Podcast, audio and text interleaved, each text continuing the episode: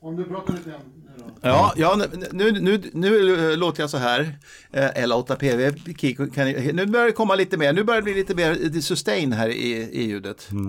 Eh, Tidigare så lät jag som min röst kommer från en obestämd plats i rummet. Ja, precis. Kommer du ihåg? Ja, kommer du ihåg den? Sveriges Radios...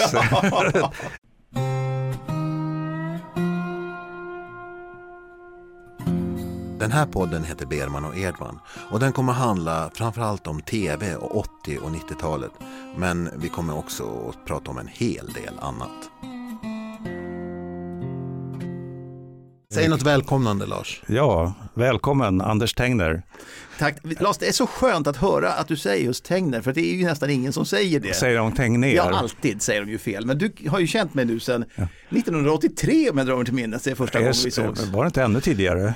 Nej, jag tror det var 83 faktiskt. Ja, vet, vet du vad, jag tror att, Hur hittade ni varandra? ja, jag tänkte komma till det, att eh, jag tror att det var, var det inte 1980, det kan ha varit 82, 83, det är sant, när jag gjorde, skulle göra en serie som heter Norrsken. Ja, det var 83. Det var 83. Mm.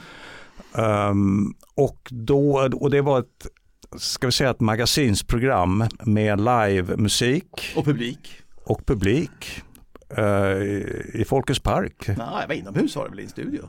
Ja, Det kanske var i Folkets park, men det var inomhus fall. ja, ja, det var inomhus. Ja. Det, det var tak där. Det, det, är ju, det var i Sundsvall för tusan. Eh, Olle Manberg och Jörgen Stenborg. Var programledare, ja precis. Och det var två eh, prydliga eh, nyhetsjournalister. Ja, de såg ut som svenska nyhetsjournalister med sån här FNL-R-skägg så här i ansiktet och sånt. Liksom. Men det, de var jättetrevliga och jättebra att jobba med. Ja, de var jätte, alla var trevliga. Ja. Men vad som hände då, det var ju, eh, du ringde ju. Då, ja, och då tänkte jag så här då, för då hade jag gjort lite rock'n'roll i tv. Eh, en livesändning med Sky High och lite annat.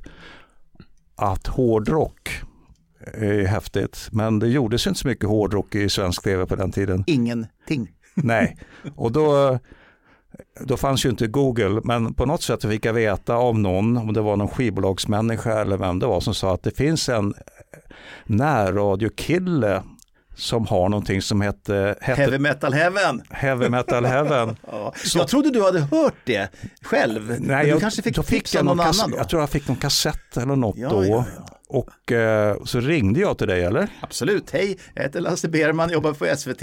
Vill du göra hårdrock i tv? Jag höll på att skita på mig. Och, och du var 90. Var det nervositet eller att du blev glad? Eller? Alltså 1983, då var det ju det största man kunde göra var att synas i tv. Absolut. Det var ju ingen som syntes i tv annat än jättekända människor. Lennart. Hyland. Ja, men det var ju... Det, i, Knappt. nu är ju alla med i något Paradise Hotel eller någon eh, sån där gre- grej. Alltså, Big Brother har ju alla fått en chans att vara med i tv en stund. Det är ingen, Nej, jag vet ju men naturligtvis då- det, men jag tänker att ändå för de eventuellt yngre som, som råkar lyssna på det här så kan jag säga hur stort det var. Det var komma- väldigt stort att eh, få vara med i tv. Det var, det, det, och jag tyckte det hade varit stort att ha en röst i närradion i Stockholm. Bara det var ju stort, att jag hade en röst i etern. Och det här hade ju börjat 79 tror jag, när jag och mina två kompisar eh, tog i stort sett hijackade en närradiostation som, som hette Clemens Club. Och de hade fått ett sändningstillstånd. De satt bara och fes och rapade i studion och drack öl. Och jättekonstigt var det. Så att vi var inbjudna att göra en hårdrockssändning en gång eh, som, som gäster. Och det hade blivit jättelyckat. Vi hade satt upp lappar på stan, det blir hårdrock i radio. Så att till slut så började vi spela mer och mer och till slut så manövrerade vi ut de här två dårarna så att vi tog över det här sändningstillståndet. Och då satt vi i pensionärsradions lokaler på Gotlandsgatan i Stockholm. Där studion bestod av en cigarrlåda med två stycken reglar. Du har mindre knappar än vad jag hade alltså. Det var inte mycket till knappar. Och så var det en mikrofon och så var det en skivspelare och en till på andra sidan. Och när man skulle byta låt då fick man sitta och cuea den och så fick man trycka tummen på skivan och hålla den där tills man släppte den. Och det, Det var- hittade du Lars. Det var gammal ångradio. Ja, En gång i veckan, en halvtimme, sen kvällstid. Eh, och det var ju då ingen reklam. Vi fick däremot själva betala STIM. Så, Jaså? ja, ja, vi fick ju betala alla. Vilket år var det här? Ja, 79 till 82 tror jag vi höll på eh, någonstans där. Eh, och eh, sände en gång i veckan. Så vi hade ju en medlemsklubb där folk fick betala 25 spänn. Och så fick de rabattkuponger och grejer på Heavy Sound, den här hårdrockskivaffären mm. som låg. Och det, det var ju bra att de hette Heavy Sound. Mm. För då kunde vi presentera låtar. Här kommer en låt med Deep Purple, det är ett riktigt Heavy Sound. Och så var det ingen reklam, för de hade ju ett Heavy Sound. så, så vi, vi kringgick det där ganska mycket. Och sen hade vi nattsändningar också, där vi sände från 12 till 6 på morgonen och bjöd in alla möjliga eh, rockband. Vi hade ju Yngwie Malmsten i studion när han var 14-15 år. Eh, Ian Haugland från Europe gjorde sin första radiogrej och han var så skitnervös att han satt och svor hela tiden. Så jävla fan, fan.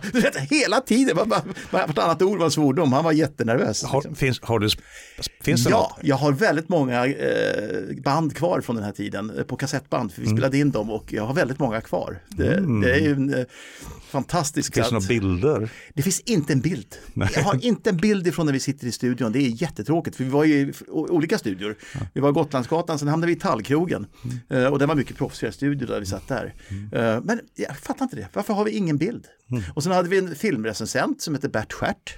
Mm. Han hette egentligen Bernt Månsson men han tyckte att han skulle ha ett artistnamn och valde själv namnet Bert Stjärt vilket vi inte riktigt förstod varför. Brukar inte Bert Karlsson kallas för det? Jo, jo. Men, men det, var, det, här var innan Bert Karlsson. Eh, så det tyckte han var ett bra namn. Filmfluktare med Bert Stjärt. Eh, och sen vet jag ju att vi tog med oss, för på den tiden så köpte jag en sån här bandspelare att man kunde spela in på, inspelningsbar Walkman som var mm. jättesvårt att hitta i Sverige. Mm. Och en av de första intervjuerna som jag gjorde för det här, uh, det var att jag skulle intervjua Richie Blackmore i Rainbow. Mm. Och det här måste då vara 1980. Så då har vi dragit igång det här och jag har köpt den här bandspelaren och kommer till Sheraton, har ingen aning om egentligen hur man gör för att träffa folk. Jag har ju träffat Blue Ester Cult och varit på turné med Runaways. Men det här var, nu skulle jag göra en radiointervju, det hade jag inte gjort förut. Liksom. Mm. Så att jag lägger fram den här, uh, ja, dessutom går jag bara fram till Richie och säger hej, jag kommer från Sveriges Radio. för det tyckte jag att det var, det var vår lilla närradio, det var ju Swedish Radio liksom. Sanning med viss... Så han säger ju ja. ja. Och vi sätter oss i baren och han börjar prata och jag bara, vilket scoop, Tja, jag har fått en intervju med Rich Blackmore kommer tillbaka, då har bandet stått stilla i bandspelaren. Mm. Det har liksom inte dragit igång. Så det finns inte ett ljud inspelat. Men det finns inspelat när jag sitter i studion då när vi sänder det här. Och, ja, och sen eh, i lördags här så träffade jag Richie Blackmore och så, men, men bandet stod stilla så jag ska referera lite grann om vad han sa. ah. oh, wow. Och sen sätter vi på skivor med fel varvtal och du vet. Och, ja, det där var Never Before med Deep Purple, vi ska sätta på rätt hastighet. Och, och, och, den här killen tyckte du alltså skulle göra tv? ja, han var klippt och skuren. Nej, men du, var, du, var, du var mycket mer rutinerad när jag träffade dig. Ja, alltså jag försökte, stundtals så var vi ju riktigt seriösa och jag vet ju att vi gjorde vårt bästa för att verkligen låta radiomässiga och bra, prata bra i radion. Mm. Och hade ett, vi fick ju väldigt många lyssnare. Mm. Sen, sen, hände det ju fadäser, för vi hade, det var ju jätteamatörverksamhet. Mm. mm. Men jag har väl alltid tyckt det var kul med framförallt radio måste jag säga. Mm. Jätteroligt, jag ja, älskar radio. Du har inte gjort något mer sedan dess egentligen? Va? Ja, jag har gjort radio, jag gör radio regelbundet. Jag alltså. är rösten i Radio Rockstar uppe i Umeå som ja. är Norrlands motsvarighet till rockklassiker kan man säga. Aha. Det sänds i Umeå, så där sitter jag och pratar varje vardag i fyra timmar mellan låtarna och det är bara classic rock. Ja, du sitter på länk då eller åker upp? Jag sitter, ja just det, varje dag åker upp till.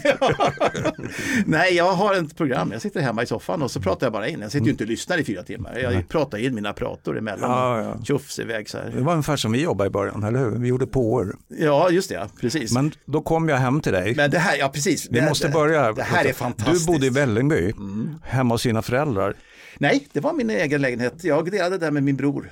Ja, så var det. Du ja. delade den. Ja, min och det var så här etage va? Det var nästan 200 kvadratmeter lägenhet för två stycken ungkarlsgrabbar. Ung, Ångermanlandagatan? Härjedalsgatan. Härjedalsgatan i Vällingby? I Vällingby, det var ju min gamla barndomslägenhet. Kom jag själv eller hade jag med mig ett crew? Om vi säger så här, ja. du hade med en OB-buss, 15 personer och 15 kilometer kabel som drogs in i min balkong och in i vardagsrummet. Vi byggde ju liksom en hel fotostudio i mitt vardagsrum. För du sa att Nej, men det finns ingen studio ledig. Så att det, det blir billigare att ha en buss. Så det stod en sån här gigantisk OB-buss på gatan utanför. Det var väl coolt. Och sen var det ju då riktiga tv-kameror på stativ, du vet, som skulle upp mm. där där.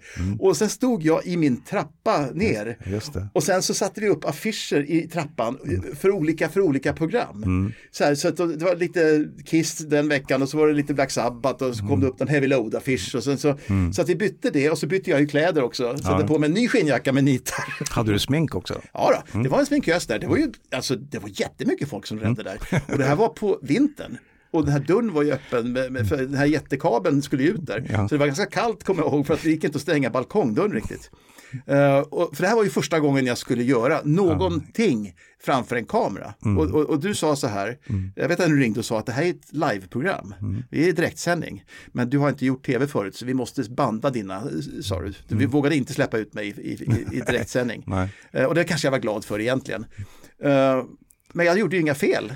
Eh, Jag stod ju där och läste in varenda prata, bara tjoff, tjoff, tjoff, tjoff, tjoff. Jaha, nu är vi klara med allihopa. Så när det blev dags för live, då ringde du och sa, nej, jag vill att du kommer hit och kör första i det här live. Så det första jag gjorde i tv var live och jag var skitnervös. Men, men det måste jag säga, både du och jag har gjort jävligt mycket live. Det är inte särskilt många som klarar att gå live sådär snabbt alltså. Så det är verkligen nej, det, jag- tittar, jag har ju en inspelat. fullträff utav dig Lars. Ja. Och jag, men- alltså jag minns så väl, jag skulle presentera eh, Electric Eye med Judas Priest. Eh, och då, de här två killarna, då, Jörgen och vad heter han?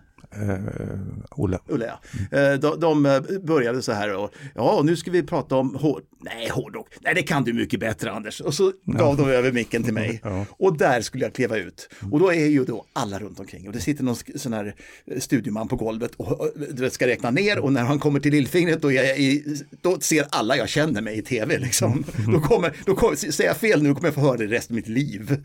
Och det är publik där ute och det är lampor. Och jag, och jag hade gått omkring innan där och bara, jag visste vad jag ska säga, jag vet vad jag ska säga, jag kan det här, jag kan det här.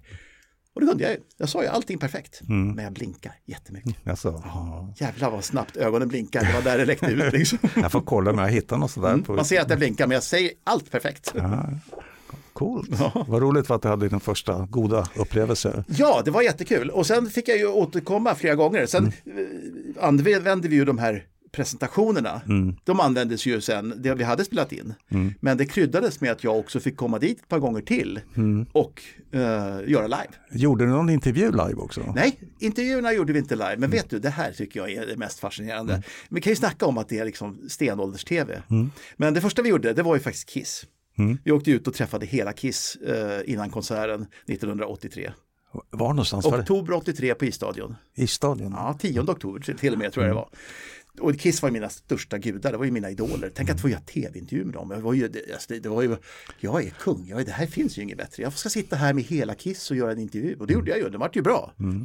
Men det var det första vi gjorde och då var det ett tv-team som du hade hyrt in med videokameror och grejer. Sen skulle vi ut och göra Ozzy Osbourne och Ronnie James Dio. Då hade vi 16 mm Ja, filmkameror just det, med ja, oss och filmade intervjuerna. Det var jag som filmade. 16 mm kameror jag och fatt- en ljudtekniker som satt under med en... Och sen så här klappa och ja, grejer. och klappa alltihopa. Och sen filmade vi ju live inne på Göta Lejon också på, på Dio. Stod du och filmade några låtar, det var jättebra ljud och bild och allting. Ja, ja. Så det klipptes in där.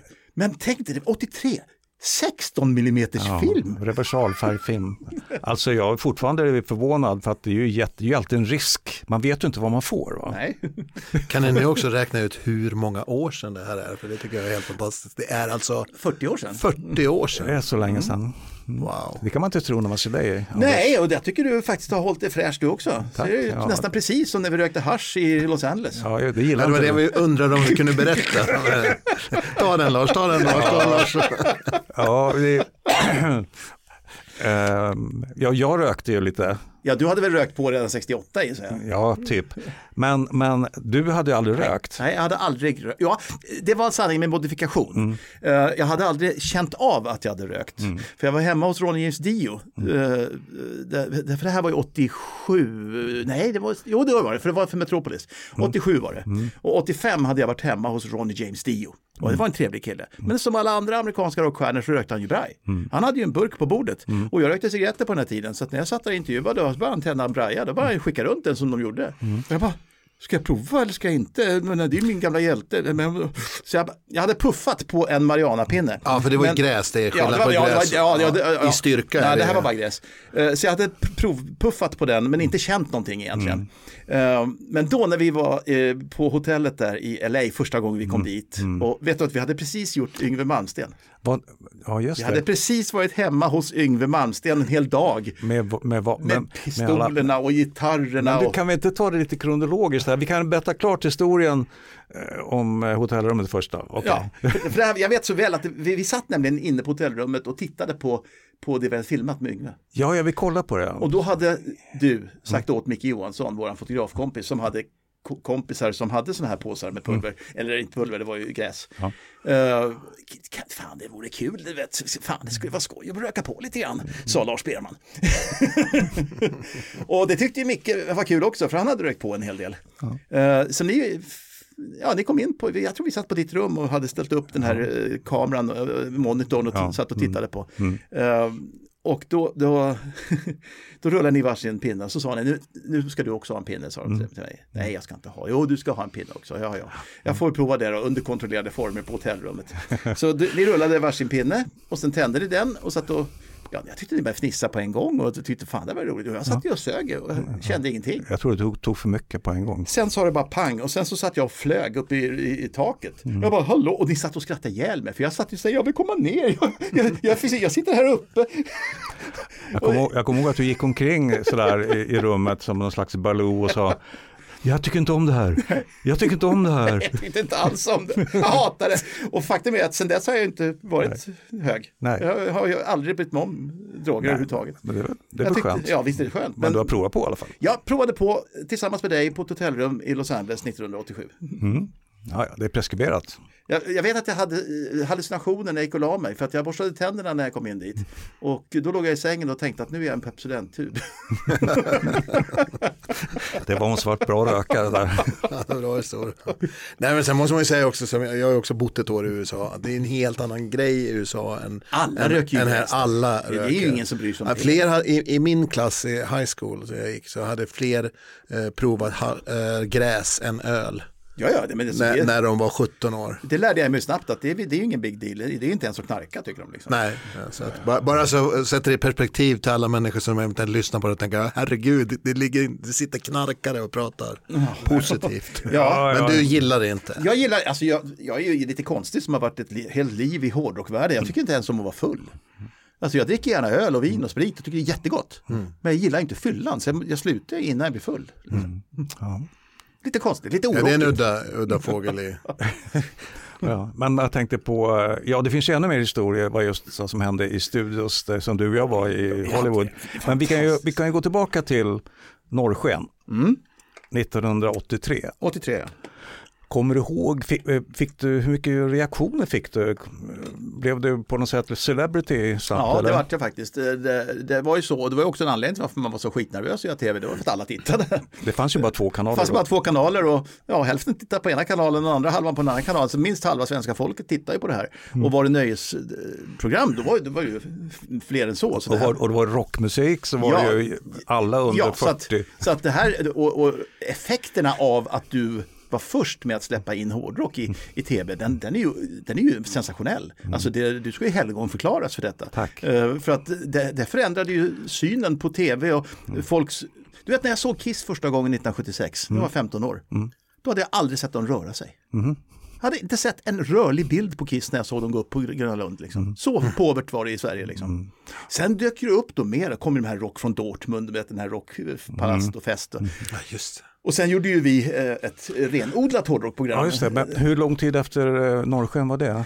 Det var ganska fort efter, det var 85. Två år efter alltså? Ja, men eh, Norrsken gick väl in, det, det- startade ju där, första programmet sändes tror jag i januari 84. Vi började ju Ah. vi började spela in åt- 83, men det sändes i början på 84. Ja, det. Så det var 84 som det var Norrsken och sen året efter så var det då Metalljournalen. Ja. Och det var vi verkligen först med alltså. Det var vi. Och då hade jag också suttit hos Sivert Öholm och blivit utskälld för Det var, W.A.S.P. in, det var innan det? Ja, det var, det var i slutet på 84, eh, typ i oktober 84. Ja. Eh, Och det var ju samma veva som jag höll på med, med det här. Och det, var, det tog ju hus i helvete. Ja. Nu, nu har ju vi redan pratat om eh, och sagt så här, ja men vi, du ska få slippa det. Ja, men det är Vi slipper, vi, och, och Sivert ska inte få mer Nej, luft. nej det, det, Vi- vi glömmer alla kan det, men, men, men det, det, det hängde ju ihop med, eh, med, med, med mitt vardande stjärnskap. ja, jag förstår det. Och, eh, men vad häftigt. Kommer du ihåg hur vi snackade ihop oss om, om Metalljournalen? Eh, ja, det kommer jag ihåg, för du sa att när vi var klara med de här, jag vet inte hur många program det var med Norrsjö, var det fem eller någonting sånt där? det var inte sånt jättelång serie. Halvdussin. Ja. Eh, och eh, då sa, då sa du att det här var så roligt så jag vill göra ett renodlat eh, hårdrockprogram med dig. Sa. Mm. Och det tyckte jag ju var en bra idé. Eh, så då åkte vi till London. Mm. Du och jag. Och vi hade väl en ljudteknik med, ja det hade vi. Vi hade väl en ljudteknik med oss då också. Hade Så vi var i? London. Vi var uppe på Kerrang vet du. Och, Ja, ja, jag, jag, jag kommer ihåg, vi var Marquis och Ja, allt det där. Men, och gjorde David Coverdale vet jag att vi gjorde en intervju med där i London. Ja. men hade, inte, hade vi inte med oss en ljudkille? Jo, det hade Var vi. det inte Jo, Tuvan? det var nog Tuvan. Tuvan var ju med på flera eh, resor. Tuvan är en legendar. Men han, i och med att han var ju Sundsvallskille så att, Så det var nog, men det var Örebro-TV som gjorde med, med Metalljournalen. var det så? Ja, det var Okej. inte Sundsvall. Ja. Så att jag fick åka till Örebro en gång i veckan när vi skulle sitta och klippa. Och då hade jag ju lämpligt nog skaffat mig en flickvän i Örebro precis då. Mm. Så, att, så det var ju jätte... ja, ja. Nu, nu var grannen för sig helt plötsligt att han ska Det var någon som borra. fes. det får vi leva med. Det var så. Men herregud, vi får... men inte om man ska borra upp en hel jävla hylla. Ja, sånt här händer ju bara. Det är i- sånt här när, när man har en musikstudio Ja. och sen har du tagit den där magiska tagningen. Åh, vilken känsla liksom. Ja. Nej, vi får ta om det där. Det var någon som började borra. Nej, för den där jävla borrmaskinen, det, det här är ju gammal betong. Det kan vara, sitta var som helst i hela kvarteret och dra in en, en slagborr så låter det i hela betongen. Det bara sjunger i hela betongen. Men, eh, en, Men alltså, men, Metalljournalen Örebro, okej, för jag flyttade ju över till Örebro Ja, ett år. och det var då. Och det var då, det gjorde jag, förutom att jag gjorde Metalljournalen med dig, då hann jag också med att göra någonting som heter Picnic. Det var inte jag inblandad i. Som var en slags reportageserie med... Det täppas eh, med eller? Nej, inte täppas, utan det här var med två damer. Eh, det var eh, Sharon Reschnitz och en annan tjej som jag ber jättemycket om ursäkt för, jag glömt bort vad hon heter. Men i alla fall två tjejer som gjorde artistintervjuer och så visade vi videos faktiskt också. Det har helt gått mig förbi. Ja. Det, det borde jag ju sett eftersom du gjorde det, bara därför. Ja, men kanske var det så att jag gjorde det lite, la, la ner lite mindre tid på det. Jag har för mig att de klagade lite grann på att jag aldrig var där. Nej. Då var jag nog ute och reste med dig istället. Ja, för vi, Kanske som sagt, bara- vi var i England eh, och gjorde reportage och vi var i Sverige och gjorde eh, intervjuer. Vi gjorde bland annat då Heavy Load till exempel, vet jag att vi eh, stod och gjorde intervjuer med och, och, och lite sådana här saker och, och Europe tror jag var med också. Var, var, var det, men eh, Europe med min gamla Volvo, det var Metropolis va? Det var Metropolis ja, när vi gjorde videor. Just det, det var också, det är fantastiskt att, att, att i, i en värld där videon var så viktig men svenska band hade inte råd att göra videor så gjorde vi videor åt dem bara för att de skulle kunna kon konkurrera på samma villkor lite grann. Så vi, vi, vi gjorde ju deras videor. Det var helt fantastiskt, vilken, vilken, ganska vilken ganska värld. enkelt egentligen. Men de var ändå ganska proffsiga. Som den där med Europe med din gamla Volvo PV, eh, maronröda 53 eller vad det Ja. var. Eh, och, och, och Dalton när vi byggde upp hans lastgata där i, i, eh, ute i, i Skärholmen. Med bråte och gamla Jaha. kundvagnar och det var rökmaskiner och skit. Det, kommer var jag- jä- jätteballt. jag nu gick det jättesnabbt bara. Det- Alltså, ni hoppade från Metalljournalen, Metalljournalen till Metropol och det gick Ja, samma ja. år? Eller Nej, det är två år senare till det. Ja, det, alltså, det dyker bara upp spridda minnesbilder Ja, i våra men gamla tro- Ja huvuden. men det får det. Men- men, jag, bara, det var eh, bara jag inte hängde med. Metalljournalen kommer jag ihåg, var det inte också att vi gjorde, gans, eh, vad hette de, eh, Lemmy, Oh, vi var hemma hos Lemmy ja. och då, där var, var det ju fest. Ja, verkligen. Och jag provade den här eh, Motorhead-masken när jag skulle presentera och så sitter jag med den här Motorhead-dödskallen på huvudet. De hade ju ett hus uppe i Camden någonstans va? Mm, ja, det var ju hemma hos honom. Ja. Jättetrevligt var det. Ja, och han hade massor med såna här tyska bombplan som hängde i taket och du vet, han älskade ju andra världskrigsgrejer. Alltså, vi hade ju fullkomlig frihet att göra vad vi ville. Alltså. Vi hade carte blanche. Ja. Alltså nu, du måste hoppa fram i, i, i, i tiden igen. Men när vi sen gör ska vi kalla det för det mest proffsiga programmet. Mm. För där hade vi en större budget, det var två säsonger eh, av Metropolis. Mm. Som eh, var en genial programidé, för det var egentligen tidningen Okej i tv. Mm. Det, var, det var inte bara hårdrock, det var hårdrock och pop och skådespelare och eh, för, det, det var ett jävligt bra program faktiskt. Det, jag älskar det. Det Ja. verkar också Kommer du ihåg att vi jag fick kommer faktiskt en recension i Expressen där det står Metropolis är bäst, står det. Ja, ja, jag har för mig att, det bör, att, att de var väldigt skeptiska och, och journalister då hade of, ofta en grundinställning att det här är dåligt. Så var det ju. Och sen övertygade vi några, bland annat då Expressen. Ja, för jag såg ju inte ut som den typiska journalisten. Jag stod ju och klädd i samma kläder som artisterna hade i stort sett och hade långt hår och stod där och, och var lite rockstjärna samtidigt som de var rockstjärna. Och det var ju helt eh, otänkbart. Och sen så i den så pratade jag ju heller inte så mycket in i kameran utan där var det ju reportagen som fylldes. Och Jag vet att vi hade den här Now for something completely different som alla skulle säga på olika sätt när vi kastade oss över eh, mellan grejerna. Men Inser du vad vi faktiskt gjorde? Med en, första gången som en svensk Betacam lämnade eh, Sveriges Radio. Du, du var den första som fick lösa ut en Betacam-kamera och ta med det på planet till Amerika. Eh, tur var han hade med sig det. Men vi åkte omkring med den här jättedyra kameran eh, och, och lampor och skit. Och tre pers bara.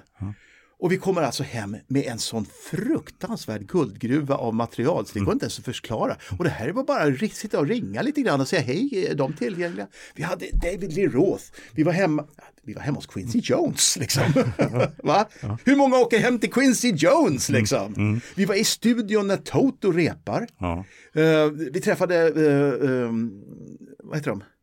Nej, det var så många. Uh, Rick Cheech- Springfield. Cheech and Chong. Chicken Chong, eh, vad heter han då? Eh, komikern? det- Steve, Steve Martin. Steve Martin. Ja, eh, och, och, alltså det var ju hur Vi mycket fick, grejer som vi helst. fick vilka som helst. Jag tror till och med vi fick tacka nej, vi hann inte med. Så var det. Nej, det är tyvärr fullbokat här, det går inte längre. Ja. Och vi gjorde typ tre, fyra, fem om dagen. Va? Ja, ja, bara en sån sak. Att vi börjar på morgonen och sen när vi kommer hem på kvällen då har vi gjort tre, fyra jobb på, på, på tre gubbar. Som blev ett, ett helt program egentligen. Ja. Och jag, jag hade inte stativ med mig. Nej, kanske inte hade. Allting på axeln. Därför gick det så jävla fort också. Jaha. Jag vet att vi stod i Central Park tror jag, i New York. Så stod vi med Talk, eh, David Byrne från Talking Heads. Nej, nej, nej, det var, det var i Kensington. Det var, Det var, i, det var i Kensington, det var i London. ja, Ja, Hyde Park. Hyde Park, okej. Jag vet att det var en Det var park. där, det var också eh, eh, Metropolis va? Mm, det var Mm. Metropolis. Och, och där kommer jag ihåg att eh, de blev, var så jävla arga på oss, crewet, alltså eh, hans entourage, Ja. eh, David Byrne, för vi var sena. Vi satt ju och åkte taxi i, i London för att hinna med alla. Och så var det trafikstockningen och så, vi, måste, vi har klockan ett har vi David Byrne, liksom Talking Heads. Och när vi kom dit så var vi typ fem minuter sena. Och de sa, Fattar ni? Det är David Byrne, säger de. Och ni har inte ens riggat. Nej, men jag är klar, så jag. Jag har kameran på axeln. Vi tar det i parken tvärs över gatan. Exakt, ja. Och då blir de jätteförvånade. Och Ja. vi gjorde det på fem minuter, stod vi där ute i parken. Absolut. Ja. Ja, men kommer du också ihåg? Ja. Jag var ju ingen Talking Heads-fan. Jag kunde ju allt om mycket, men Talking Heads var inte ett band jag hade lyssnat på knappt. Jag hade ju gjort min research, jag hade skrivit ner frågorna jag skulle ställa. Mm. Han sa ja, nej, ja, nej, och efter två minuter var alla mina frågor slut. så jag började liksom prata om någonting annat än Talking Heads och då satt han ju igång och pratade som tusan. Då var det ju skitbra Mm. när han slapp de här Talking Heads-frågorna. så det vi klippte ihop sen, det var ingenting med Talking Heads, det var bara häftiga tankar som han fick ur sig när jag väl började prata om någonting annat. Ja, jag kommer ihåg. Jag tror ni satt på en bänk där. Mm, jag tror vi stod upp faktiskt. Stod jag upp, ja. Ja. Men jag kom på en grej, det här, det här är ju en riktigt bra historia. Mm. Gladys Knight and the Pips. Ja, ja, ja. Gladys Knight and the Pips, alltså en av de stora soulsångerskorna. Du vet, det är ju liksom uh, Midnight Train to Georgia liksom. Mm. Och vi ska gå och titta på dem live på Apollo Theater och bara gå in på Apollo Theater i Harlem. I Harlem, ja. Ja, vi var ju där och skulle se henne live och sen efteråt så skulle vi intervjua henne i logen, eller om det var innan, det kommer jag inte ihåg. Men vi skulle intervjua henne eh, på plats och sen skulle vi också se konserten. Och här har ju varenda känd soulkille stått ända sedan 50-talet. Alla har ju stått på Apollo Theater, det är ju magisk mark. Och jag tror vi filmade lite också på den eh, jag, live. fick, jag fick lite bilder. Ja. Men framförallt så var vi inne i logen med henne och hon var jättegullig och snäll. Va? Det var ju en jättelegend. Sen ska vi gå därifrån. Och vi bodde ju nere på 46 gatan på Pre- President Hotel tror jag. För jag, hade, jag hade bott där förut så jag tror vi bo- bokade in oss där. Och vi var ju uppe i Harlem på 120 gatan. eller någonting. Att du vågar åka dit liksom. Ja, Dit för dagen var väl fine, men vi kom ju ut klockan två på natten. Ja, och du har en kamera för en halv miljon kronor på axeln. Och så säger du, nej men vi kan väl knalla hem. Så vi börjar ju gå i Harlem med en stor tv-kamera på axeln. Och då kommer det ju en taxi som bara skriker med däcken och bara säger Get the fuck in the car! Så då är en kille, taxichaufför, säger What the fuck are you doing? Så han körde och han tyckte vi var helt dumma i huvudet. Och det var vi.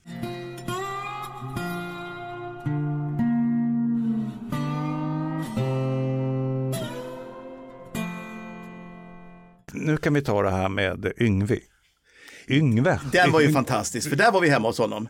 Eh, Och han hade precis kvaddat sin Jaguar. Det hade han gjort och han var faktiskt, eh, när vi kom dit så, så var det bara typ två dagar efter att han kom hem från sjukhuset. Han hade precis kommit hem från sjukhuset där han nästan hade dött. Liksom. Yngve Malmsten. Ja, han hade ju ärr och plåster i pannan och du vet och så. Eh, och, och den här Peter Roth, hans polare, han hade ju åkt hem, han hade ju fått göra hela munoperationer, han var ju krossad i ansiktet. Och han hade ju skaffat sig en annan bil då, en, en Pontiac Fiero istället. Som han satt och körde fram och tillbaka fort som fan och börnade med där. Men bodde inte han utåt eh, öknen till? Eller? Han bodde i The Valley, alltså ute i, eh, ja, i den här valleyn i Los Angeles. Mm. Eh, och då, Anders Johansson och, och Jens bodde ju där också. Ja. Och de bodde ju hans, typ hans källare. De, det var ingen som visste då, men de, de fick ju sova på soffan där. Fick inga pengar eller någonting. Alltså. Och så kom han ju farande med alla sina pistoler där och skulle visa. Och Ja, det där, ja, men du vet att det där var ju, det där tror jag finns på YouTube faktiskt, just när, Nej. han- när han visar vapnen. Jag tror inte det finns på YouTube, för att vi visade ju aldrig vapnen i tv. Jo, Visade vi dem? ja, ja. Jag, jag, jag gick till och med upp till en chef på SVT och visade det här. Är det okej? Ja, sa hon, det var Yvonne Winblad, Ja, det kommer jag ihåg. Ja. Mm. som var någon slags eh, administratör eller chef. Då. Hon satt väl i rutan ibland också? Ja, ja, hon var en gammal nyhetsmänniska. Mm. Och, och jag ville bara få okej, för jag tyckte att det var lite, lite, lite provocerande. Han stod där och visade, det var den här de sköt Palme med Exakt. och sådana saker. Ja. Och, och, all, och tog han fram mer och mer vapen. Han Det hade här inslaget kommer jag ihåg. Det här har jag sett. Okej, eh, för vi, jag har refbandet och där är det mycket mer. Mm. Jag vet att där kommer ju Anders Johansson och tar och eh, osäkrar en hagelbössa och säger att han ska ut och skjuta grannen och sånt där. Det tror jag inte vi tog med. Nej, det tog jag inte med. nej, nej. nej, men jag vet att det är klippt och det, det var med. Ja, men ja, jag, jag hörde ingen reaktion på det. Nej, det var ju, det var ju oladdade vapen. Men dagen, eh, precis eh, den dagen så tog Yngve med mig till en skjutbana. Men jag var ju med och sköt Du var också. också med och sköt ja. Ja, ja. Han tog med oss allihopa till skjutbanan. Ja, ja. Det var första gången jag avlossade en Magnum 44 och det var eh, inte sista kan jag säga. För sen dess har jag åkt den här skjutbanan varenda gång jag varit i Los Angeles. Firing line på Reseda, i, där ute i, i uh, Sherman Oaks någonstans där. I Reseda är det. Eh, där har jag skjutit hur många gånger som helst. Ja, jag kommer ihåg, det var första gången för mig. Och jag, jag tror att man fick visa, jag visade Man visade bara körkortet. körkortet eller hej. passet. Ja, jag. nej, det var bara hej. Och så fick man skriva under en papper där det stod om du skjuter någon så får vi skjuta dig. Typ. Ja, typ. och så sköt jag också med en Magnum och med en Colt 45 och eh, Jag tror vi sköt eh, sån här 37 också, eh, Ja. vanliga polisspecial. Men framförallt så sköt vi med Magnum 44 och det, Men det var- det var- en riktig kick i den. Alltså. Ja, det var åsnespark, okej, alltså. okej, och det var ju, vad fan, det är liksom, man måste ha gjort det också. jag, jag har skjutit väldigt mycket sedan dess kan vi säga. Ja, ja. Men du är ingen stridis, du, har Nej, inte, du har inte gjort lumpen? nej jag eller? gjorde inte lumpen och jag vill inte skjuta folk men jag tycker det är jättekul att skjuta med pistol. Mm. Eh, Egentligen borde jag kanske ha gått med i en skytteklubb för jag tycker verkligen det är jätteroligt. Men Mm. eh, jag hatar ju sådana här organiserade saker som man måste liksom Mm. vara på vissa tider. I Amerika kan du bara gå in och hyra ett bås och så tar du med dig en pistol och skjuter en halvtimme och så åker du hem. Mm. Så vill jag göra, men det kan man inte göra i Sverige. Du kan göra det ute i Hässelby. Jag har varit på skjutbanor i Sverige och skjutit också. Mm. Ja, jag kan ha en egen skjutbana i huset. Nej, jag skulle jättegärna vilja ha, jag har massor med pistoler hemma, men Mm. alla är ju kopior eller eh, luftvapen som ser ut Mm. som riktiga vapen. Men jag har ju en hel vägg med bara pistoler hemma, bara för att de är så tuffa att hålla i. Mm. Härligt. Stefan, Ja är det något du kommer att tänka på när du hör våra otroliga historier? Nej, men eh, en sak som slår mig, för jag, eh, jag tänker på det också, jag, jag har gjort en del hårdrocksvideos, och jag, är inte, jag, eh, jag älskade Talking Heads, jag lyssnade på punk, jag har liksom startat punkklubb och sådär, så att jag, hårdrock, för mig var det Led Zeppelin, och, och, och sen så, så orkar jag aldrig med det som var lite hårdare än så. Och jag har aldrig varit någon Kiss-fan eller så heller. Så jag är inte riktigt i den musiken. Däremot har jag gjort en massa sådana här hårdrocksvideos och det som slår mig är att de här hårdrockarna som jag har haft att göra med är så jävla najsa killar. Det är inte alls liksom någon sån här hårda tuffingar. Det är inget, alltså Lemmy är snarare ett undantag. Och jag tänker, du som, har- ni som har träffat så många, håller ni med mig? Är det, hur är de liksom bakom? En del är ju fruktansvärt eh, dumma i huvudet. Eh, de är bara trevliga i den stunden de ska vara med i en intervju eller en radio. Eller, ja, jag ska inte säga att de är helt dumma i huvudet för att de flesta har ju varit, de är ganska ointresserade och de gör ett jobb och det, ja, de har gjort de här intervjuerna hur många gånger som helst. Och andra är ju otroligt trevliga och man får jättebra kontakt med dem. Jag hade ju fördelen tack vare Okej då att jag träffade väldigt många första gången, alltså när, när de var nya. Jag träffade Bon Jovi när de var förband till Scorpions. Wow. Första gigget de gjorde såg jag liksom. Wow. Och var- gjorde jag en intervju med John Bon Jovi i hans husvagn bakom och sen dess vart vi kompisar för att oj, han sa det här är första gången som en utländsk journalist intervjuar mig. Det minns han ju. Så att, då fick jag ju alltid bra access och, under alla år som kom. Och så här var det med många band, att, eh, Skid Row och alla möjliga. Vi var först att träffa dem. Nej, eh, just Bon Jovi har jag också råkat träffa. Otroligt trevlig Ja, människa. Han Han var var ju en det. jättestor stjärna liksom. Sen vart han vi- dum i huvudet sen.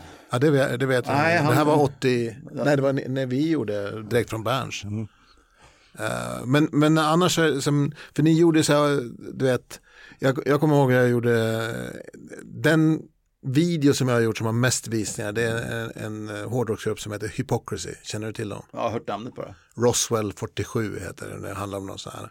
Ja. Och, och, och det var liksom så här för mig är det, vi åker upp till Hedemora eh, och, och de ska spela i en, i en gympahall och sen ska de sätta sig på ett flygplan och åka liksom Japan, eh, USAs västkust och spela liksom arena. och det är bara små gulliga små pojkar som verkar vara stenhårda. Så för mig är det bilden av liksom hårdrockare, men du känner inte igen det? Nej, nej, nej. Alltså de flesta hårdrockare framförallt är ju jättetrevliga. De är ju jättesnälla. Ja, Eh, Så det kan jag säga. Men eh, många som var, alltså de jobbigaste är ju de här jättestjärnorna, Janet Jackson och Madonna och du vet, eh, Whitney Houston. Eh, De är ju... De Har är, du träffat dem? Ja. du har träffat typ alla. Så att, då- Det, det, man märker ju att de är bortskämda divor liksom, som Ja. ställer upp en stund och sen så är det bra. Sen, liksom. Mm. Sen finns det ju en annan kategori och det är de här som aldrig slutar prata. Kommer du ihåg David Lee Roth? Ja, Jag sa hej och sen så pratade han i en halvtimme. Liksom. jag kommer ihåg Bruce Dick Dickinson. ja men det är det roligaste inslaget av allihopa. Ja. Det här är ju... Det här Det här måste, kan, kan jag berätta? Ja, gör det. Så, Gör kan du det. bara, det här, så kan du bara koppla svensk på. tv-historia finns på YouTube. Det är helt fantastiskt. Finns det där? Ja. Jag har inte hittat det klippet, det kan du skicka till mig då. Så kan... Jo, vi var i London. Tyskland. Och gjorde... Nej, vi var i London först och sen så flög vi till Bonn. Just det, så var det. Och vi gör någonting på hans hotellrum. Och Tuvan är med också. Tuvan är med. Och han börjar klättra på möblerna. Då kan du fortsätta. Det är ju helt otroligt. Han är alltså jätteseriös och sitter där och vi pratar Maiden och de är ju jättestora då. Det här, är, Iron det här, tror, jag. Mm. var, det här tror jag var andra säsongen, 88 tror jag var. Eh, Och jag har ju träffat eh, Bruce flera gånger innan dess. Vi har gjort många intervjuer med Bruce så att han visste ju mycket väl vem jag var. Så vi, vi, vi, vi var inte främlingar för varandra. Men det var ju första gången jag gjorde tv med honom. Och sen så berättade han vad de gör på turné och då sa han att då kan man låtsas att man är på en expedition. Och så började han liksom klättra upp på stolen och sen på soffan och på bordet. Han, han började ta tag i gardinen och använda den och hänga i. Han gick upp på fönsterbrädan. Han tog en, en lampa och, lo, och hängde den över och låtsades att det var ett rep. Så han, så, så, så, och så trickfilmar du nu så kan det se ut som jag håller på och dinglar här. Och så börjar han sjunga Edelweiss. Och, och du, vet, du filmar och Tuvan ligger ju, han ligger ju upp och ner på golvet och skrattar. Att Det går, man hör ju i micken bara hur han ligger och bara biter sig i läppen för att inte skratta ihjäl sig. Och jag ligger dubbelvikt och skrattar inne.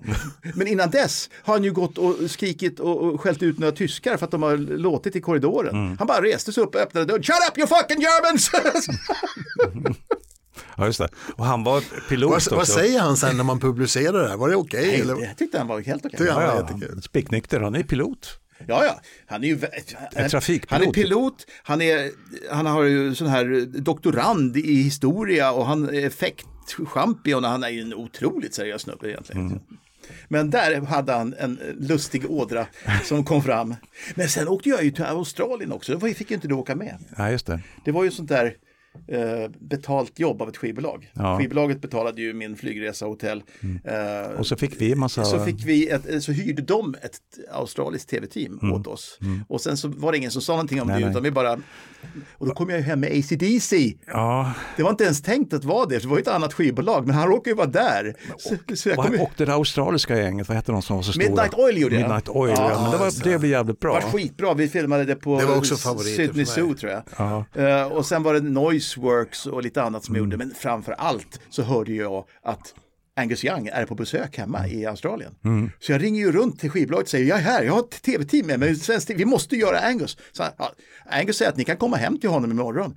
Så jag och det här australiska teamet som jag bara sa, ni följer med mig och de bara ja vi ska hämta ACDC. Så de bjöd på det, jag tror inte de tog betalt för att göra det jobbet liksom. För de tyckte det var så ballt att åka hem till Angus Young. Jag vet precis, jag hade gjort detsamma. Så vi sitter ute på hans altan och dricker öl och du vet, det kändes ju mest, det kändes som att jag stod längst fram på Titanic och sa King of the World faktiskt. För att det, var så mycket stora grejer som hände och det var liksom, äh, det var helt, vilken tid det var.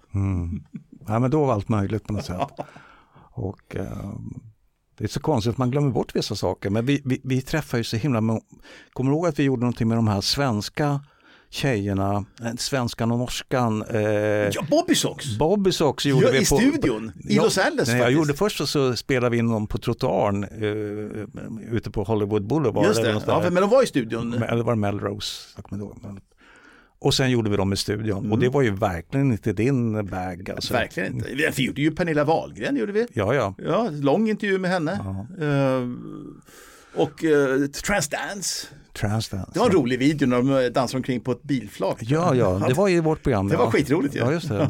De åkte, vi åkte över Gärdet Ja, mm. det var jätteroligt. Var det en sån här video som ni gjorde själva? Ja, ja. på ett bilflak. Vi Ja. fixade fram en eh, gammal... eh, ja, det var så öppet, öppet slag. Och sen så dansade de omkring med trummor och allting där uppe och så körde bilen omkring och vi filmade i olika vinklar och klippte ihop det där till en rockvideo. Det var skitbra. vart det. och de var glada också. Jo, de fick ju använda de här sen. Ja, alltså, vi sa ju det, "Nej, det kan man det. använda i De promotions. där finska tjejerna som körade också. Ja, som aldrig sjöng. Nej. Nej, de kunde inte sjunga. De var ju bara råkade vara tvillingar och söta. Det var ju andra tjejer som sjöng. De stod ju bara mimade så? till allting. De var mimade bara, okej. Men du, vad hände, vad hände med, med oss efter Metropolis? Gjorde vi något Jo, mer? i Sputnik. Var du med i Sputnik också? Ja, visst var jag det. Ja, men du, var, du hade du inte den huvudrollen Nej, kanske? då var jag reporter. Alltså, Jag var reportern som åkte runt och gjorde jobb. Ja. Ja, jag, kom, jag gjorde flera jobb. Bland annat så gjorde jag ett inslag i Los Angeles faktiskt. Så jag vet inte vem det var som filmade det. Om vi, om vi hyrde ett team i LA. Mm. Men jag var ju nere hos Alice Cooper och eh, sökte jobbet. Just det, Alice Cooper, det var ju nästan det ballaste Mm. vi gjorde. När, när vi träffade Alice 87 redan. I Stockholm? Ja, och vi filmade nere i livrustkammaren och han skar halsen av mig och jag mimar och kommer gående Ja, och kör Welcome to my nightmare. Ja. Det var ju en häftig intervju, Under slottet alltså. Ja, det var ju riktigt ballt. Men då gjorde jag en till och då hade jag kommit ut med den här eh, Poison. Mm. Eh, och då kom vi på, nej men vi ska göra så här. Jag tror till och med var de som kom på den här idén. Ja. Att jag ska komma in i studion och söka jobbet som sångare i Alice Cooper-bandet. Ja. Så att jag kommer dit och gör en audition. Så att jag, jag står och mimar till Poison i studion medan hela bandet och han sitter där och tittar så här. Mm. Jättekonstig grej. Det, det gjorde jag för Sputnik och den sändes ju, det var jätteroligt. Anders söker jobbet som, jag fick inte jobbet som sångare. Men jag minns de här programmen som jävligt eh, revolutionerande och väldigt stilmässigt jävligt bra. Det var väldigt Sputnik- smart klippt på många Ja, ställen. det hade, och, och, och det som Lasse införde, Det, det, Lasse ja, det som han införde, Ja. det var ju MTV-klipptekniken i svensk tv. Mm. Att det var snabba klipp. Tidigare hade det gått jättelångsamt. Eh, Tittar man på hur man klippte musikinslag på 1978, 79, 80, det, det var långa tagningar. Mm. Och sen så, ja nu kanske vi ska ta en bild på trummisen en stund och så. Du, var ju, du hade ju snärt i det när vi klippte, det var korta inslag, korta intervjuer och som, lite musik och så några frågor till. Så det, det, var ju som, det var ju som tidningen Okej fast i, i bild. Liksom. Ja, men sen, för sen om jag minns det så var det också så här standard på SVT.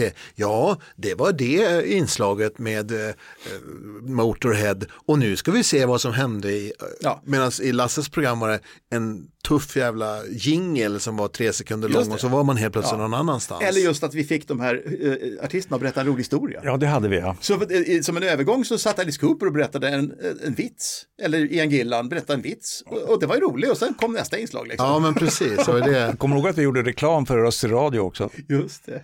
Därför att vi, vi bara, vi tyckte det var så kul med reklam. Ja. Och så fick de då alla utländska artister göra reklam för Röst i radio. ja. Mm. För, för det, var ju en in, intern tidning så att säga. Väldigt internt. Nej men det var ju lite grann så vi gjorde i, eh, i närradion. Eh, då klippte vi ihop reklaminslag om påhittade produkter. Eh, Som eh, Macfactor handburgare. Eh, tycker du om handburgare? Då ska du köpa Macfactors hamburgare. Eh, Bara för att det skulle bryta av med reklam, så att det skulle bli lite amerikanskt. Ja. Vad kul. Ja, men du var med i Sputnik också. Jag var med i Sputnik också och sen började jag med ZTV och där, då, då, då, då, vart det, lite. ju- då vart det ju inte så. För sen satt jag ju på ZTV i fyra år och hade mina egna program där. Hur kändes det att gå från SVT till Ja, Z? Nu var det ju så att de ringde upp och sa här har du en tjock sedelbunt ifall du vill ha tv med oss. Det gjorde ju inte SVT. Det var så trevligt. Det gjorde inte ont. det. Nej, jag gick dit pengarna var. Mm. och jag fick ett eget program där som då vi döpte till Metallmagasinet istället för Metalljournalen. Mm. Eh, och de hade väl kanske inte riktigt samma budget, men då hade det ju kommit en annan enklare utrustning. Så då behövdes inte allt det här som SVT hade en gång i Mm. tiden. Nu kunde man göra, jag- så jag åkte ut själv med en Hi8-kamera Mm. och stod och gjorde intervjuer ensam så här och, när jag reste. Och det funkade att sända liksom. Men vi hade ju band i studion, vi hade Def Leppard som körde Unplugged i studion, jag hade en sån här talkshow där Alice Cooper var med och W.A.S.P. var med. Eh, vi körde Glenn Hughes från Deep Purple, också Unplugged i studion. Okej. Jättebra var det alltså. Ja, det gick hem alltihopa. Det, Det funkar. hem. Och Men det här var den här studion som låg i den här tegelbyggnaden. Vad heter det? Döbelnsgatan. Döbelnsgatan. Ja, där, det. där var vi och, och, och väldigt roligt hade vi. Och sen var jag ju dessutom så här videodiskjockey tillsammans med E-Type. Då kunde jag stå en hel eftermiddag i fem timmar och presentera alla möjliga videor utan manus. Man bara stod där framför en green screen och bara, ja. Och medan man spelade en film, då sprang någon annan och hittade ett eh, betaband med nästa låt. Liksom. Ja, men, så, nej, men för jag jobbade en del där. Inte så mycket, men bland annat så hann jag med E-Type. Men jag, jag tror aldrig jag jobbade med dig. Nej. Men massor var ju där. Massor var där ja. ja. När, du säger, när du säger det här att du hade en eh, Hi8-kamera och micken själv och gjorde allting själv. Då kommer jag att tänka på att någon gång så kunde inte du göra, vi hade ju till exempel ett par intervjuer på Grand Hotel i Stockholm som skulle göras och du kunde inte, eller så var du sjuk eller så var du bortrest. Eller... Okej, vad hände då? då? Jag fick göra John Cougar Mellencamp själv Okej. och Pink, vad hette han? Pink DeVille? Eh, det- Mink DeVille. Mink DeVille. Precis, för de har jag ju faktiskt inte träffat. Nej. Och Mink. Mink DeVille har ju dött tyvärr. Han har gått bort. Jag kan ju ha varit ute och rest, för jag reste ju så sjukt mycket med Okej. Ja. Alltså, det, märk väl, allt det här gjordes ju egentligen på min arbetstid på Okej. Jag var ju fast anställd där. Så, så att jag, jag lyckades ju göra tv parallellt med mitt eget jobb. Men liksom. där märkte jag äh, att äh, det är inte roligt att komma oförberedd och träffa en artist. Det är inte kul. För nej. då är man på något sätt att man kränker artisten, man är jävligt Jo, respektlös. Det är ju ganska respektlöst att komma, jaha, har du gjort några skivor eller? Ja, typ. jag, jag fick i min hand typ ett halvt A4 med Mellencamp, så läste jag på baksidan av hans ski, nya skiva och så satt jag med kamera på axeln och han bara flinade och liksom skojade med mig för att jag satt och kisade med ena ögat och sådär. och så ställde jag typ frågor, ja, hur känns det att ha gjort den här skivan ungefär? Men du löste problemet. Jag löste problemet men det var väldigt jobbigt. Ja. Så att all, all heder åt dig och det du gör, för du var alltid påläst. Det var jag. Mm. Och det, jag var inte påläst Nej. och det, det skäms jag för faktiskt. Det är inte roligt. Sen vet jag, i New York när vi var där en gång, så, var, så vart jag, fick jag ju någon, alltså den värsta förkylningen jag varit med om tror jag. Mm. Eh, jag hade ju 40 graders feber kommer jag ihåg och jag låg och huttrade på och ändå var jag tvungen att göra några intervjuer kommer jag ihåg. Jag, kommer ihåg. jag hade ont i huvudet, eh, halsen gjorde så ont så jag kunde inte svälja. Och ändå så vet jag att vi åkte iväg och jag bara stod där och bara gjorde intervjun och så bara sjönk jag ihop i en stol och så åkte jag till hotellet. Skitförkyld vart jag när jag var där. Det var jättekallt var det när vi var där i januari eller någonting sånt där. Men jäklar, jag kommer ihåg, jag stod och bara svettades och bara kände och tänkte shit, de kanske blir sjuka nu, men sket jag i. Men det syns inte att jag mådde skit faktiskt. Nej, nej, nej. Jag var med om det, för jag tänkte, jag tänkte nu kommer det här med, med de amerikanska förkylningspillren. Ja, ja, de hjälpte få. till. Nyquil, hello! jag, jag gjorde nämligen en så här eh, reportage i, i Los Angeles och blev jätte, jättesjuk. Och då hade någon av dem som var talent där. Eh, och det, det, var, det här var eh, en djupdykning i porrfilmsindustrin i Los Angeles som jag var med och gjorde för BBC.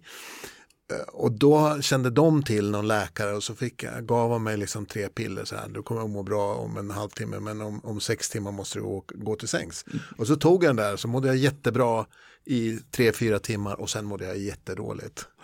Men jag blev liksom så frisk så att jag kunde göra mitt jobb. Ja. Så jag trodde det var det. Liksom. Nej, nej, det här var så här man köpte eh, på, på, på var som helst. Det heter ju Dayquil och Nyquil. Ja. Och det dricker man och jag, jag har fortfarande alltid det hemma. Så fort någon ska åka till USA, så här, köp Nyquil och Dayquil för det måste jag ha. Mm. Så att, och min dotter är samma sak. Det är det bästa jag varit med om. Jag blir, bara, tar man en slurk och så är man frisk. Liksom. Men, ja, men så är det ju.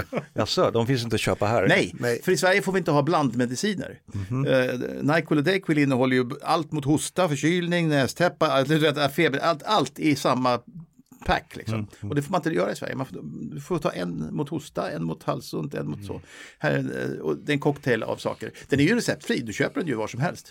Uh, och jag har ju använt den nu i 40 år. Och, mm. Ja, du ser ju. Och det är inget större fel på dig. Nej. men, men, Nej, men det, det tar man ju bara när man är riktigt förkyld. Alltså. Men man mot, sitter ju inte och dricker det till vardags. Nej, men mot, mot förkylning så finns det liksom verksamma ja. tabletter. Det, det var bort, det att man inte får dem Det tar inte bort förkylningen, men det tar bort symptomen. Mm. Och det hjälpte mig när vi var där. Men jag kommer ihåg att jag var riktigt så här, jag kan ju fan prata, jag har ju fan ingen röst. Liksom. Ska, ska vi bara nämna också att vi, förutom att det fanns lite röka, så fanns det också väldigt mycket sån här vitt på, när, vi, när vi jobbade för eh, Metropolis. Gjorde inte vi, var, var, var inte, vi var nere hos Michael Schenker, var vi inte det? Ja.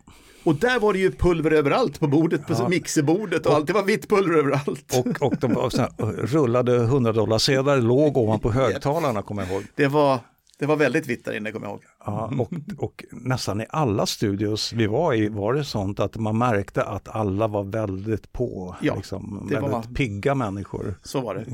Duran Duran gjorde vi också va? Vad hette han? Duran Duran gjorde vi. Ja, ja, ja. Nej, vi, vi kom inte in. Vi gjorde Duran Duran, vi var nere i uh, San Diego. Vi var inne i Mexiko ju. Vi åkte in i Mexiko också. Gjorde vi det? Ja, bara privat. Bara åkte dit och köpte en poncho och hade kul på dagen tror jag.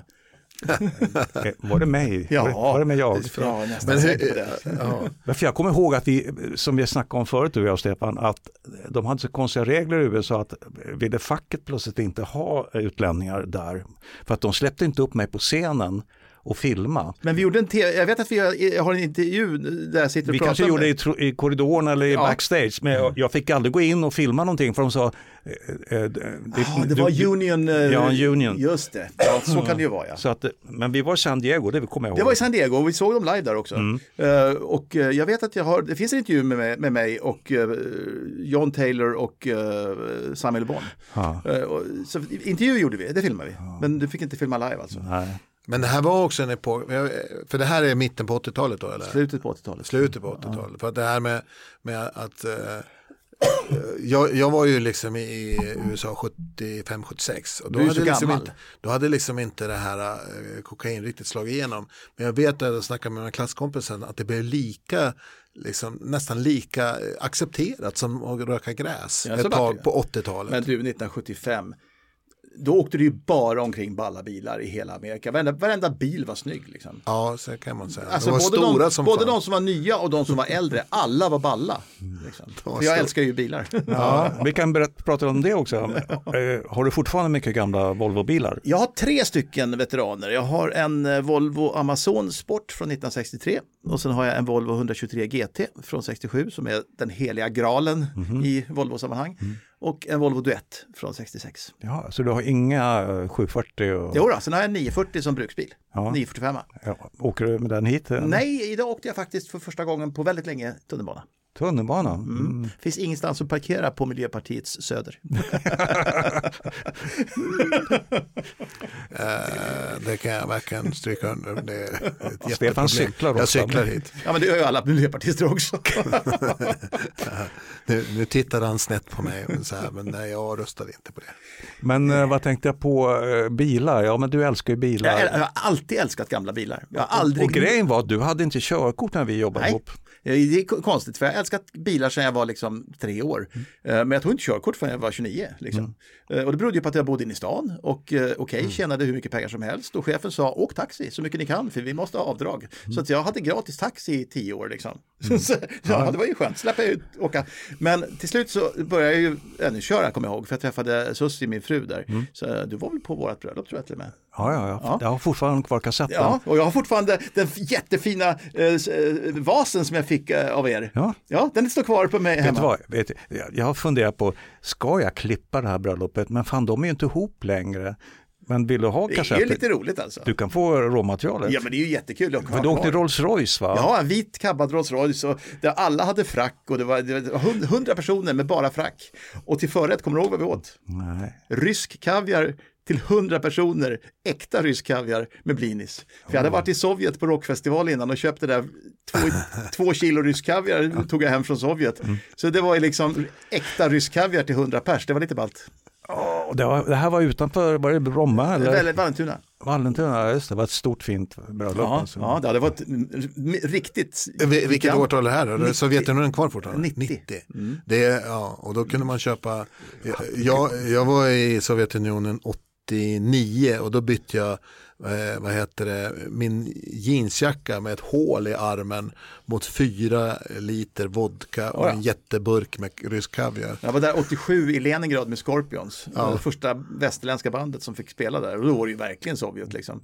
Eh, och då skulle vi käka middag ihop på hotellet. Skivbolaget hade väl ordnat det där. Så vi, alla i bandet, alla i crewet och jag och, och min fotograf som hade med mig Uffe.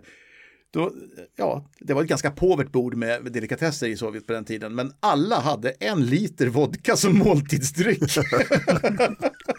Ja, och just deras snapsglas, det är som våra Ja, ja, liksom, var- dricksglas. Och så kom ihåg att det var den här gamla typen av, av kapsyl, sån här som man drar av. Just det. Sån var det på, det, det var liksom inte tänkt att återförslutas på något sätt. Liksom. Nej, alltså, öppnar man en vodka så ska den liksom drickas ur. Men rysk kaviar, ja, det är jävligt gott. Nej, jag hade inte körkort. Eh, Det tog jag Förlåt först. Jag, jag, tog, jag tog det först då, eh, där, typ 89. Mm. Eh, Och eh, det berodde på att jag hade ju kört bil Mm. i fem år eh, med övningstillstånd. Så varje gång som Sussi hoppade in i bilen och jag var med, då körde jag. Mm. Ja. Och så åkte vi omkring med den här jävla övningskörningslappen på. Ja. Och, och till slut så fick jag ju förnya den och kom en ny. Och jag hade ju kört bil i många år innan jag väl tog körkortet. Det var ju jättebra. Men jag vet att jag körde ju olagligt i Amerika några gånger. Mm. För det var några gånger jag var där själv och bara oj, fick jag ju låna någon bil. Jag kommer ihåg att låna en stor jävla Lincoln Continental från 72 som var sex meter lång. Den satt jag och körde omkring i LA här, utan körkort.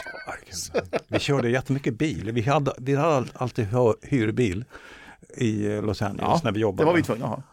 Och eh, vi körde till eh, Las Vegas också. Oh ja, det är en härlig väg. Rakt fram genom öknen, I-15 bara rakt fram. ja, nej, det, det måste man göra. Ja, men sen när jag väl tog körkort, sen klev jag ju aldrig ur en bil. Och sen dess har jag ju ägt 50 bilar säkert. Liksom.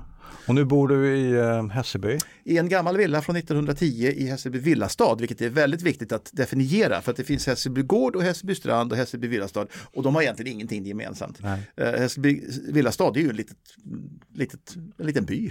Ja, ja, och där bor trevliga människor som Anders Tegner. ja, och jag har många trevliga grannar utöver mig själv. Mm.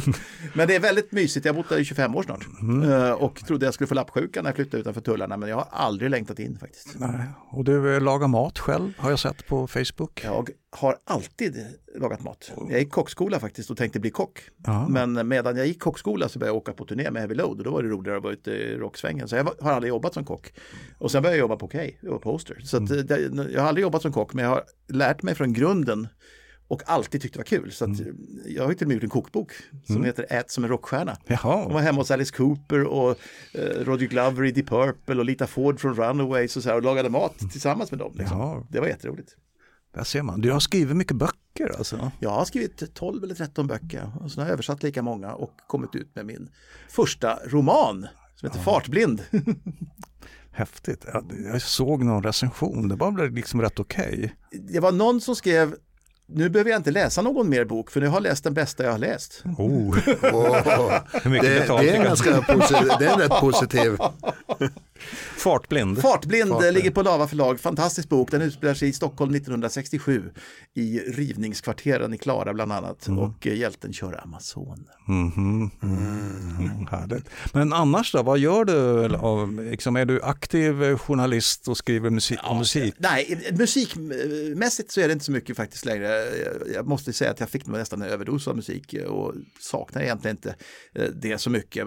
Däremot så är jag fortfarande journalist, men nu skriver jag ju om veteranbilar i första hand i tidningen Classic Motor. Där är jag både fotograf och eh, skriver jättemycket. Eh, och, och jag, jag plåtade ju lika mycket som jag skrev. Eh, Men skillnaden mellan att plåta en veteranbil och en kaxig rockstjärna det är att bilen står still och håller käften. Liksom. det kan man, kan man hålla på med hur länge som helst tills man är nöjd. Liksom. Eh, vi hade ju ibland fem minuter på oss att plåta omslag, mittuppslag. eh, Du vet, så här, det var jättestressigt när vi skulle plåta stora artister. Inte alltid, men ibland var det jättestressigt. Så att det är väldigt lugnt och skönt. Det ena är att vädret måste vara okej. va? det går inte att plåta när det är molnigt eller blåser eller regnar. Det måste ju vara rätt förhållanden. För bilen är ju ute eh, när vi plåtar den. Liksom. Och sen översätter jag böcker, romaner från engelska till svenska regelbundet, håller på med en nu. Eh, Jag skriver egna böcker, har gjort nästan en vartannat år nu i tio år. Eh, Och sen pratar jag radio uppe i Norrland, i radio rockstar.se kan man lyssna på det. Ja. Och du, eh, du har berättat om mig i den, den första boken du skrev. Jajamän, du är en del, alltså, du, det, det, är du, det är ditt fel, alltihopa. Om inte du hade hittat den här lilla 22-åriga pojken så hade ju inte min karriär eh, hamnat där den hamnade. Det, jag har ju dig och Hans Hartvig på Okej att tacka för hela min eh, karriär. Och det har jag också Lars. Lars har också in mig på mitt första jobb som, som Alltså jag, jag nöjer det- mig med 10 procent. Alltså. Ja, ja, ja. Retroaktivt. Det tionde, det är liksom... nu startar vi en kult här. Ja. Nej, men- Nej, men det, det, men det, det, så är det ju. Det, det, det är ju Lasse Bergman och Hans Hartvig som är helt och hållet ansvariga för att jag eh, hamnade på ett ställe där jag kunde visa vad jag kunde, kan man ju säga. Tack. Och du har haft jävligt roligt vad det verkar. Jag har haft roligt varenda dag på jobbet i 40 år. Wow, vilken ynnest. Ja. Men du Anders, för, då tackar vi dig för den här gången. Vad roligt att vara med. Och, och vill jättegärna att du kommer tillbaks. Vi har ju en hel del andra skrönor att dra kan vi säga. Ja, det, det dyker upp hela tiden här och man kan till och med googla lite grann och säga vad hette han? och sådär, eller Ja. hur? Men vi har bara börjat. Ja, Så, nej, men tack så mycket och vi syns, hörs igen. Tack för att du kom hit. tack för att jag fick komma. Podden du just har lyssnat på producerades av produktionsbolaget Berman och Erdman Produktion. Musiken kommer från audionautics.com och du följer oss på Facebook där vi har en grupp, Berman och Erdman.